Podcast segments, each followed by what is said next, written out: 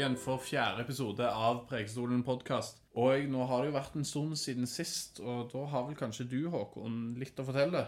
Ja, det har vært mye spennende på gang. Jeg har jo annet vært på Haugalandet hjemme en liten tur. Og vi dro ut, meg og Runar Monstad, direktør her på kontoret, dro ut til Ølensvåg for å delta i Haugalandsrådet, som er en samling av de fleste ordførerne og kommunedirektørene på Haugalandet, hvor de møtes for å diskutere diverse saker og ting. Og der var vi så heldige for å komme og holde et innlegg eh, om Europa om europasamarbeidet og mulighetene som ligger i Europa for aktører på Haugalandet. Så det var jo veldig spennende. Ja, det er viktig. Det er viktig å være til stede for oss òg i regionen. Så det er gøy. Og så har vi jo vært så heldige å få regionen ned her.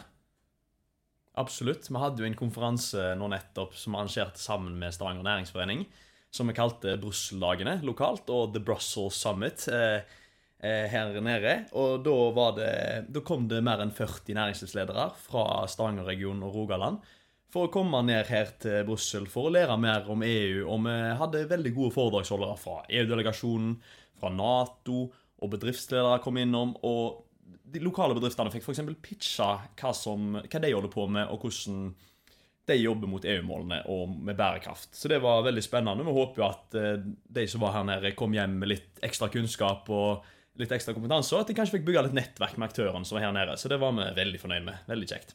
Ja, absolutt. Og på EU-siden så har det jo òg vært ja, ting som har skjedd. Nå er det jo f.eks. klart at Ursula von der Leyen stiller som kandidat til, til å være president for uh, Europakommisjonen i nok en periode, altså nye fem år. Uh, så det blir spennende å se nå til sommeren og over sommeren, når vi får vite hvordan kommisjonen kommer til å se ut, om hun fortsatt kommer til å være Europas mektigste kvinne. Eh, det blir jo, blir jo, interessant å følge med på. Så har det jo vært liv og røre i Brussel by, selve byen, når vi ble ja, møtt av 300-400 tutende traktorer en morgen som, som inntok byen, og som stilte seg opp på Plass Luxembourg for å protestere. Så er det sikkert mange som lurer på hvorfor bøndene er så misfornøyde og så sinte, og det er det jo mange grunner til, og det er sammensatte grunner til det òg. Eh, men det bunner jo ned i at kostnadsøkningene løper fra inntektsøkningene, og det gjør det jo vanskeligere å være bonde over tid. Grunnene til kostnadsøkningene det er, er mange, og det spørs jo litt hvem man spør, og det er ulike fokus i ulike land. I Belgia er man bl.a. veldig fokuserer på dette her med en høy administrativ byrde, mens man i Frankrike og Tyskland peker mer mot kutt i dieselsubsidier, diesel som er absolutt nødvendig i, i moderne jordbruk, mens man i Hellas og Romania nevner det med lang ventetid på støtteutbetalinger fra, fra EU. På inntektssiden derimot så, så nevnes det jo konkurranse fra markeder som har lavere kostnader, eh, lavere standardkrav og lavere miljøkrav enn det man har i, innad i EU. Eh, og særlig Polen og Romania så er man eh, bekymra for eh, konkurransen fra import i Ukraina. Eh, det er en del av solidariteten med Ukraina, så har man jo lempa på importrestriksjonene eh, på korn, særlig fra Ukraina, noe som gjør at Polen, polsk og rumensk kornproduksjon er under stadig tøffere konkurranse. Mens man i Frankrike ser med frykt på den mulige handelsavtalen som, som er i, under forhandlinger mellom EU og Latin-Amerika. Så generelt så er det bred misnøye blant de europeiske bøndene. Eh, men vi ser òg at EU har begynt å komme dem litt i møte. Så hvor mye skal egentlig EU være villig til å fire på f.eks. miljøpolitikken i tiden framover? Det blir spennende å se. Eh, for de står jo i begynnelsen av det grønne skiftet, og alle disse bondeopprørene viser jo egentlig noen av utfordringene med det grønne skiftet som, som EU går i bresjen for. Eh, men i dag så skal vi snakke om mulighetene i det grønne skiftet, og da særlig for Rogaland. Og hvem bedre er det å snakke med da enn dagens gjest, Tone Grindland, som er regionsdirektør i NHO. Tone Grindland, velkommen til oss. Takk for det. Hvis vi starter litt sånn, litt sånn mykt og litt med deg. Du har jo vært regiondirektør i NHO en periode nå, men det er jo sikkert litt greit for noen å få litt oppfriskning. Hvem er du, og bakgrunnen din, og hvordan du, hvordan du havna inn i NHO? Ja, det kan jeg godt si noe om. Jeg har jobba i NHO Rogaland og NHO i fem og et halvt år, ganske nøyaktig i dag, faktisk.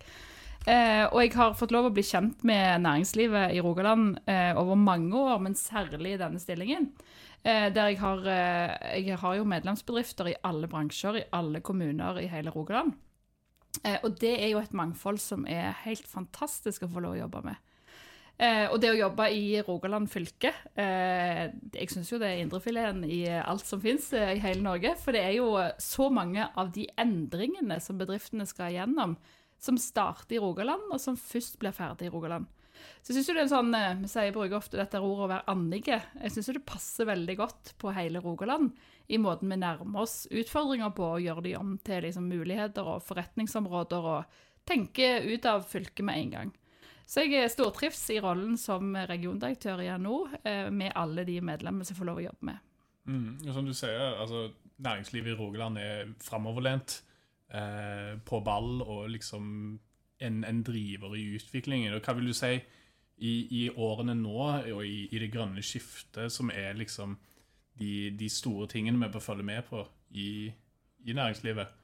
Altså nå, Når vi sitter i Brussel, så er det jo sånn at EU er jo ofte langt framme i tanken og planleggingen sammenlignet med virkeligheten. Så jeg opplever jo at vi må følge veldig godt med på det som skjer. Jeg opplever at det legges mål og strategier i EU som påvirker bedriftene i Rogaland veldig tydelig.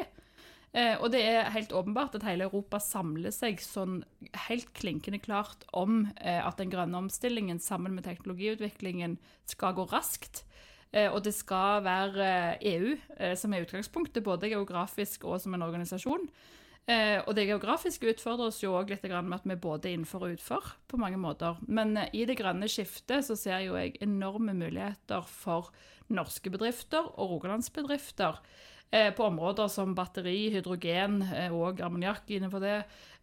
På fornybar energi langt utover vannkraften, som vi har holdt på med i mange, mange, mange år. Så det er jo sånn at EU-politikk kler jo Rogaland ganske godt. Absolutt. Og Du nevner jo at vi sitter i Brussel. Jeg tenkte bare, Før vi går litt mer i dybden på hva som rører seg i Rogaland, og litt med relevansen med alt dette med EU og sånt, hva erfaring har du med EU og Brussel fra tidligere? Ja, jeg hadde gleden av å jobbe med Stavanger-regionens europakontor eh, fra 2009 til 2014. Veldig sånn tett på. Eh, og det var en spennende periode i EU med mye som gikk på eh, utdanning, kompetanse, livslang læring. Eh, måter å harmonisere utdanning på eh, som var veldig viktig for eh, både norske kommuner og bedrifter og, og nordmenn. Eh, og forskning. og jeg fikk jobbe her med kontor i en periode der en gikk fra å jobbe sånn som vi hadde gjort i 19 år, til at vi gikk over og endra organisasjonen til en forening der det er medlemmer. Og fikk et veldig sånn tett bånd både til mange nettverk og kontaktpersoner i Brussel, samtidig som vi bygde veldig mange fine relasjoner eh, i eh, Rogaland.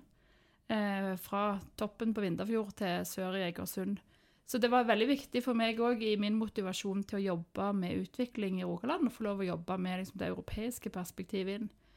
Eh, og det var, eh, vi var raske til å rulle ut fiber, f.eks. Eh, i Rogaland.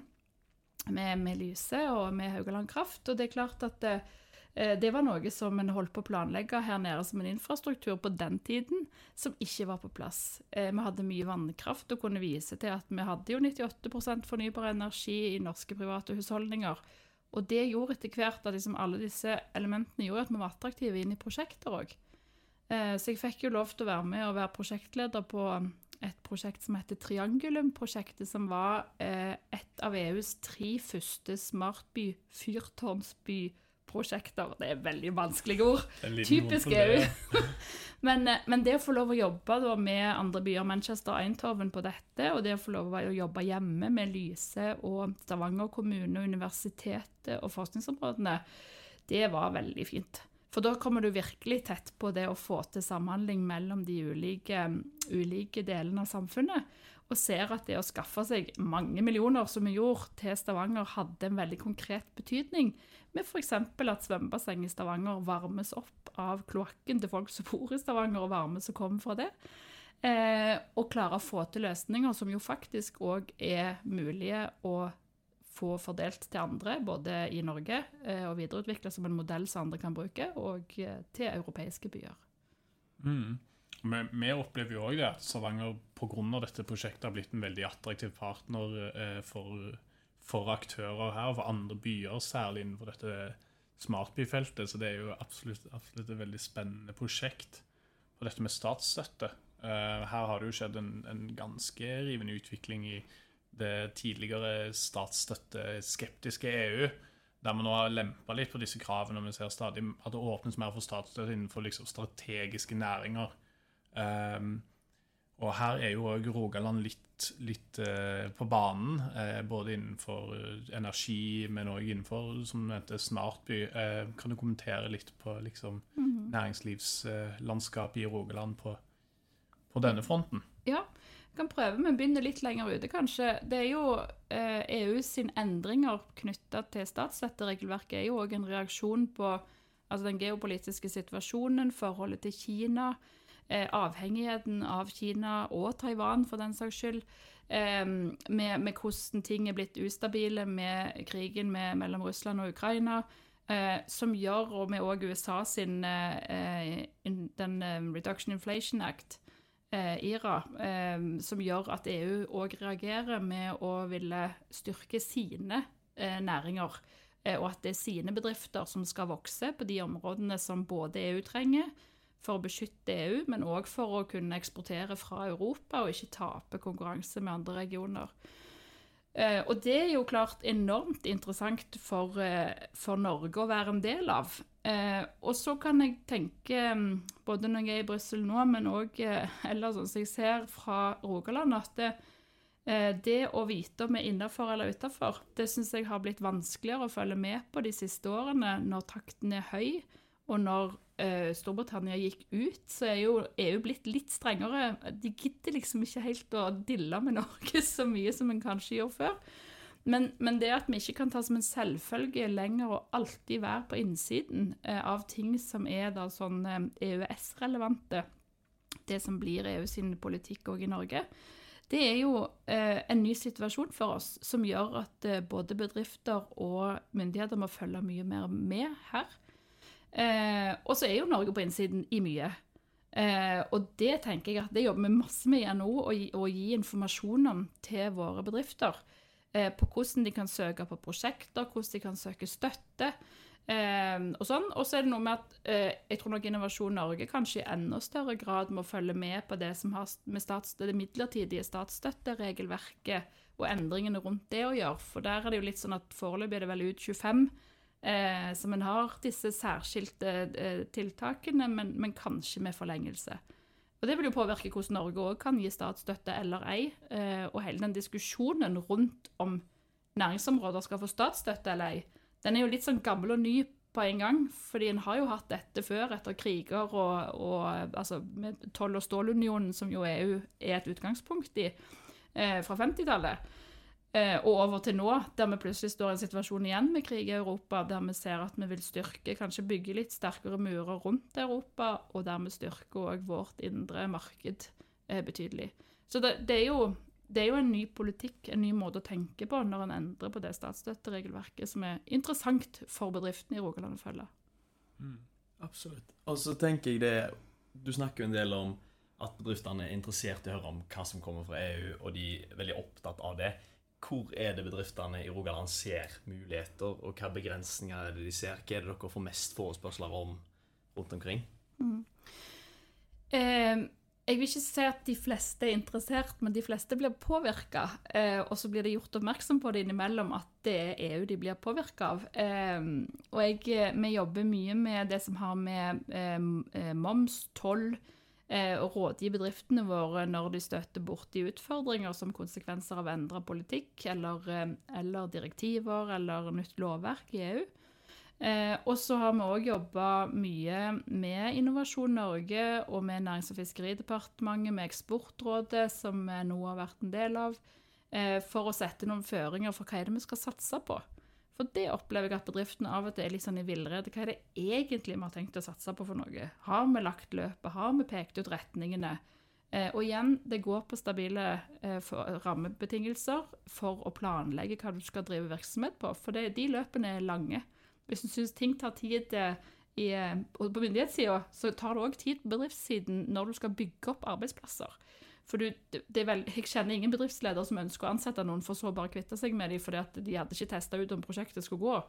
De vil beholde de de klarer å få inn, og det er jo en mangel på arbeidskraft òg i Rogaland. Eh, Det er det jo i hele Europa, men som utfordrer måten vi jobber på. Så jeg, eh, jeg opplever at bedriftene er liksom på eh, og interessert, eh, men at det er eh, veldig mye informasjon. Så vi i NHO har òg en rolle i det å sile informasjon og det å gi målretta informasjon. Involvere de bedriftene som eksempelvis eh, er interessert i hydrogen, eh, eller de som er på havvind, de som jobber med batteri. Koble de tett nok på prosessene i EU. Eh, og så jobber vi sånn, men Da jobber vi i hele landet. Da er det ikke bare Rogaland, men ofte er det jo på industri- rogalandsbedrifter med i det arbeidet vi gjør. Og så tenker jeg litt, hvor er det Når vi snakker om næringsliv i Rogaland, hvor er det vi har potensial for å gjøre det godt på den europeiske arenaen? Hvor er det vi har et litt sånn komparativt fortrinn? Hva type Ja, hva type industri er det som vi kan satse på, hvor vi skiller oss ut fra resten av landet, kanskje? Eller fra resten av Europa?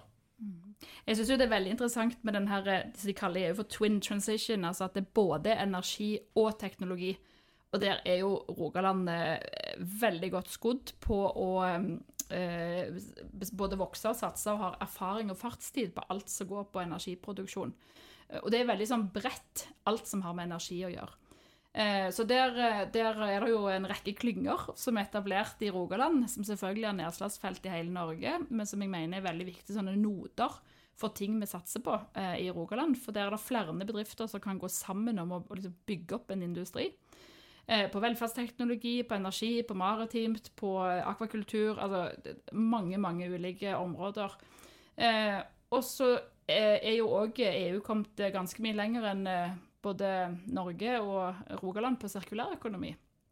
Der er det jo veldig mye nå med både eh, avfallshåndtering av plast, som utfordrer panteregimet vi har hos oss. Det er relatert til retten til å få ting reparert. Utfordrer jo måten vi produserer på, måten vi som forbrukere eh, Vi ligger jo faktisk på, på topp i Norge, dessverre, på sånn kast og kjøp og kast eh, av ting. Eh, og det må vi jo få altså Det er jo ikke noe bra for Norge å ligge så høyt på det. Så det med retten til å få ting reparert vil jo både slå inn i, hos hver og en av oss, men òg for bedrifter i måten den skal forlenge livssyklusen for varer en selger. Så jo, der tenker jeg at det er store muligheter, men der har kanskje ikke liksom, eh, Norge som land eh, helt eh, tydelige føringer på hva det er vi skal satse på. Så det er et spennende område. Eh, og det er selvfølgelig fordi at klimamålene må nås, og da er sirkulærøkonomien veldig veldig viktig for at vi skal klare å redusere utslippene òg. Eh, og så er vi jo veldig gode på tjenesteleveranse. Eh, og det er jo et veldig voksende marked innenfor handel, og service. Så tjenesteleveranse av egentlig sånn alle tenkelige og utenkelige tjenester, ting som finnes i dag, men, men ting som skal utvikles òg, det kan relatere til en voksen, aldrende befolkning. Eh, at man har, har en annen type tjenesteleveranse. Men det er òg en, en veldig viktig eksport- og vekstområde i eh, Norge med tjenester. Så, så viktig at vi har begge de delene eh, om bord. Og så tenker jeg at vi har noe i Norden som er spesielt når det kommer til arbeidsliv. Eh, og mange av målene i altså bærekraftsmålene de relaterer jo til det som går på sosial bærekraft. Eh, og det at vi har et eh, organisert partssamarbeid eh, i arbeidslivet, gjør at veldig mange av de områdene som, som en har satt som bærekraftsmål, er helt naturlige for oss, men kanskje ikke for resten av Europa. Der en nå f.eks. For forhandler med de potensielt nye hva er det, ni medlemmene som kan komme i tillegg til de 27, så er det jo særlig på, det, på regulering av sosial- og arbeidspolitikk eh, at en må, må gjøre noe. Så der tenker jeg òg at Norge og Rogaland har noe å tilføre Europa. Du har jo vært med på liksom den europeiske dimensjonen av, av Rogaland og næringslivet. Eh, og nå jobber du i NHO, eh, som nylig kom med en, en rapport eh, der jeg så på EØS-avtalen og EØS-avtalens betydning for Norge, ikke minst. Eh, og Hvis vi tar det enda litt ned på et makro, eh, mikronivå for Rogaland, kan du fortelle litt om EØS-avtalen og Rogaland? Det er vel få i fylket som, som kjenner det forholdet bedre enn deg akkurat nå.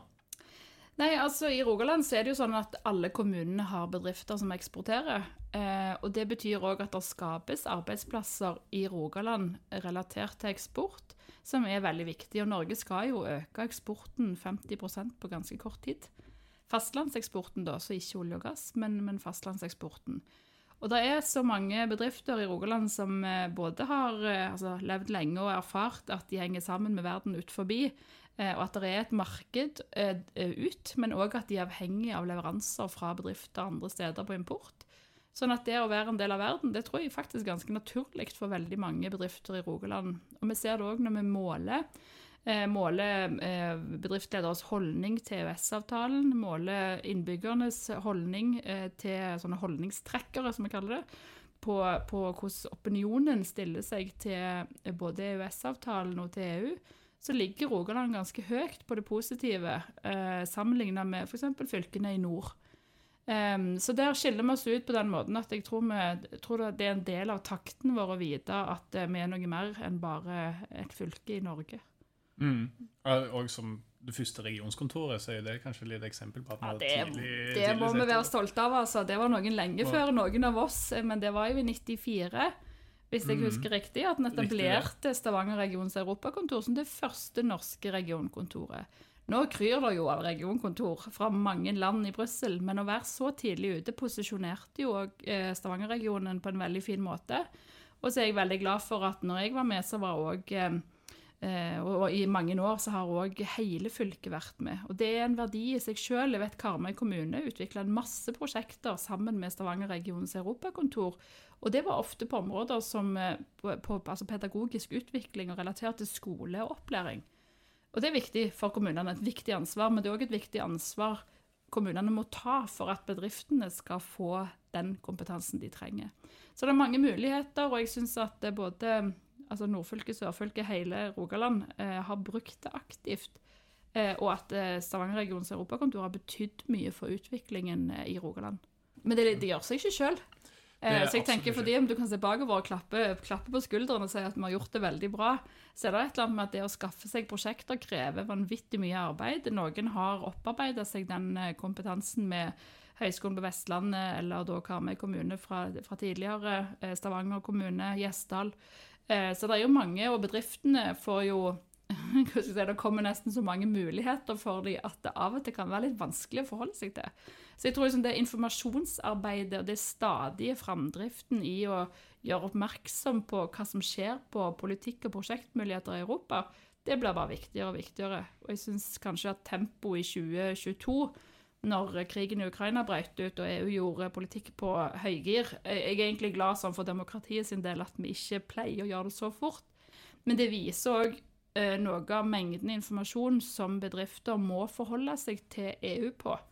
Eh, og det er klart at det vi igjen nå ofte etterspør, det er jo stabile rammevilkår. Altså at vi skal vite hva som skjer når vi planlegger utviklingen av bedriften, sånn at det ikke kommer plutselige skatter eller plutselige endringer eh, i det en har, har tenkt å gjøre noe med. Og at det skal være greit å forholde seg til myndigheter. Så klart Når politikken går på høygir, så har vi jo en større utfordring i det med stabile rammebetingelser. Yes, da Helt på tampen så må vi kanskje stille spørsmålet Skal vi i Rogaland skal vi se mot Europa. Er det en verdi i det, og hvordan skal en tilnærme seg Europa i så tilfelle? Mm. Nei, hvis vi ikke ser til Europa, så blir det mye navlelo. Det blir kjedelige greier. Få jobber. Eh, så jeg tenker ja, selvfølgelig må vi se til Europa. Det er nærmarkedet vårt. Eh, og vi har jo variert, men eksport og import ligger på 70-80% mellom Norge og, og um, EU. Jeg har ikke helt tallene etter brexit, for da teller jo ikke Storbritannia med plutselig lenger. Men, eh, men, det er klart vi skal det. Vi hører hjemme i Europa. Og jeg, jeg, jeg tror jo når jeg satt i denne totalberedskapskommisjonen og jobbet med anbefalinger for norsk beredskap. Og det er klart at sikkerhetspolitikk og forsvars- og beredskapspolitikk eh, kommer òg til å bety noe for eh, hvordan vi må tenke om å høre hjemme i større sammenheng. Eh, så Nato utvider seg nå med Sverige og Finland, og jeg tenker at eh, EU sitt forsvarsarbeid er jo òg intensivert. Og mange av eh, politikkvedtakene som er gjort, er òg gjort av hensyn til sikkerhetspolitikk og forsvarspolitikk. Sånn at det tror jeg òg er en grunn for Rogaland til å tenke at en alltid hører hjemme i Europa. Det der med medlemskap det tenker jeg at vi får ta en gang det passer, men jeg håper ikke det blir for seint, og at vi blir truffet av noe før vi tar stilling til det. Eh, for jeg tror at vi skal ha en bevissthet rundt eh, hva det faktisk betyr for oss òg, og ikke bare hva det betyr for EU. Eh, at vi har det blikket på hverandre, da. Mm. Så brede flater og, og bred tilnærming til EU framover, og så får vi, får vi gjøre det vi kan for å holde oss relevante. Det- Absolutt. Og der det er gjør dere en viktig jobb i Stavanger-regionens europakontor, som oversetter det som skjer i EU, til Rogaland. Så takk Ja. for det. Det syns vi er veldig kjekt, så tusen takk for det. Tusen takk, Tonje Gilland, for at du eh, kom til oss. Og så har vel du masse å gjøre videre òg, så du får lykke til med det. Takk for det.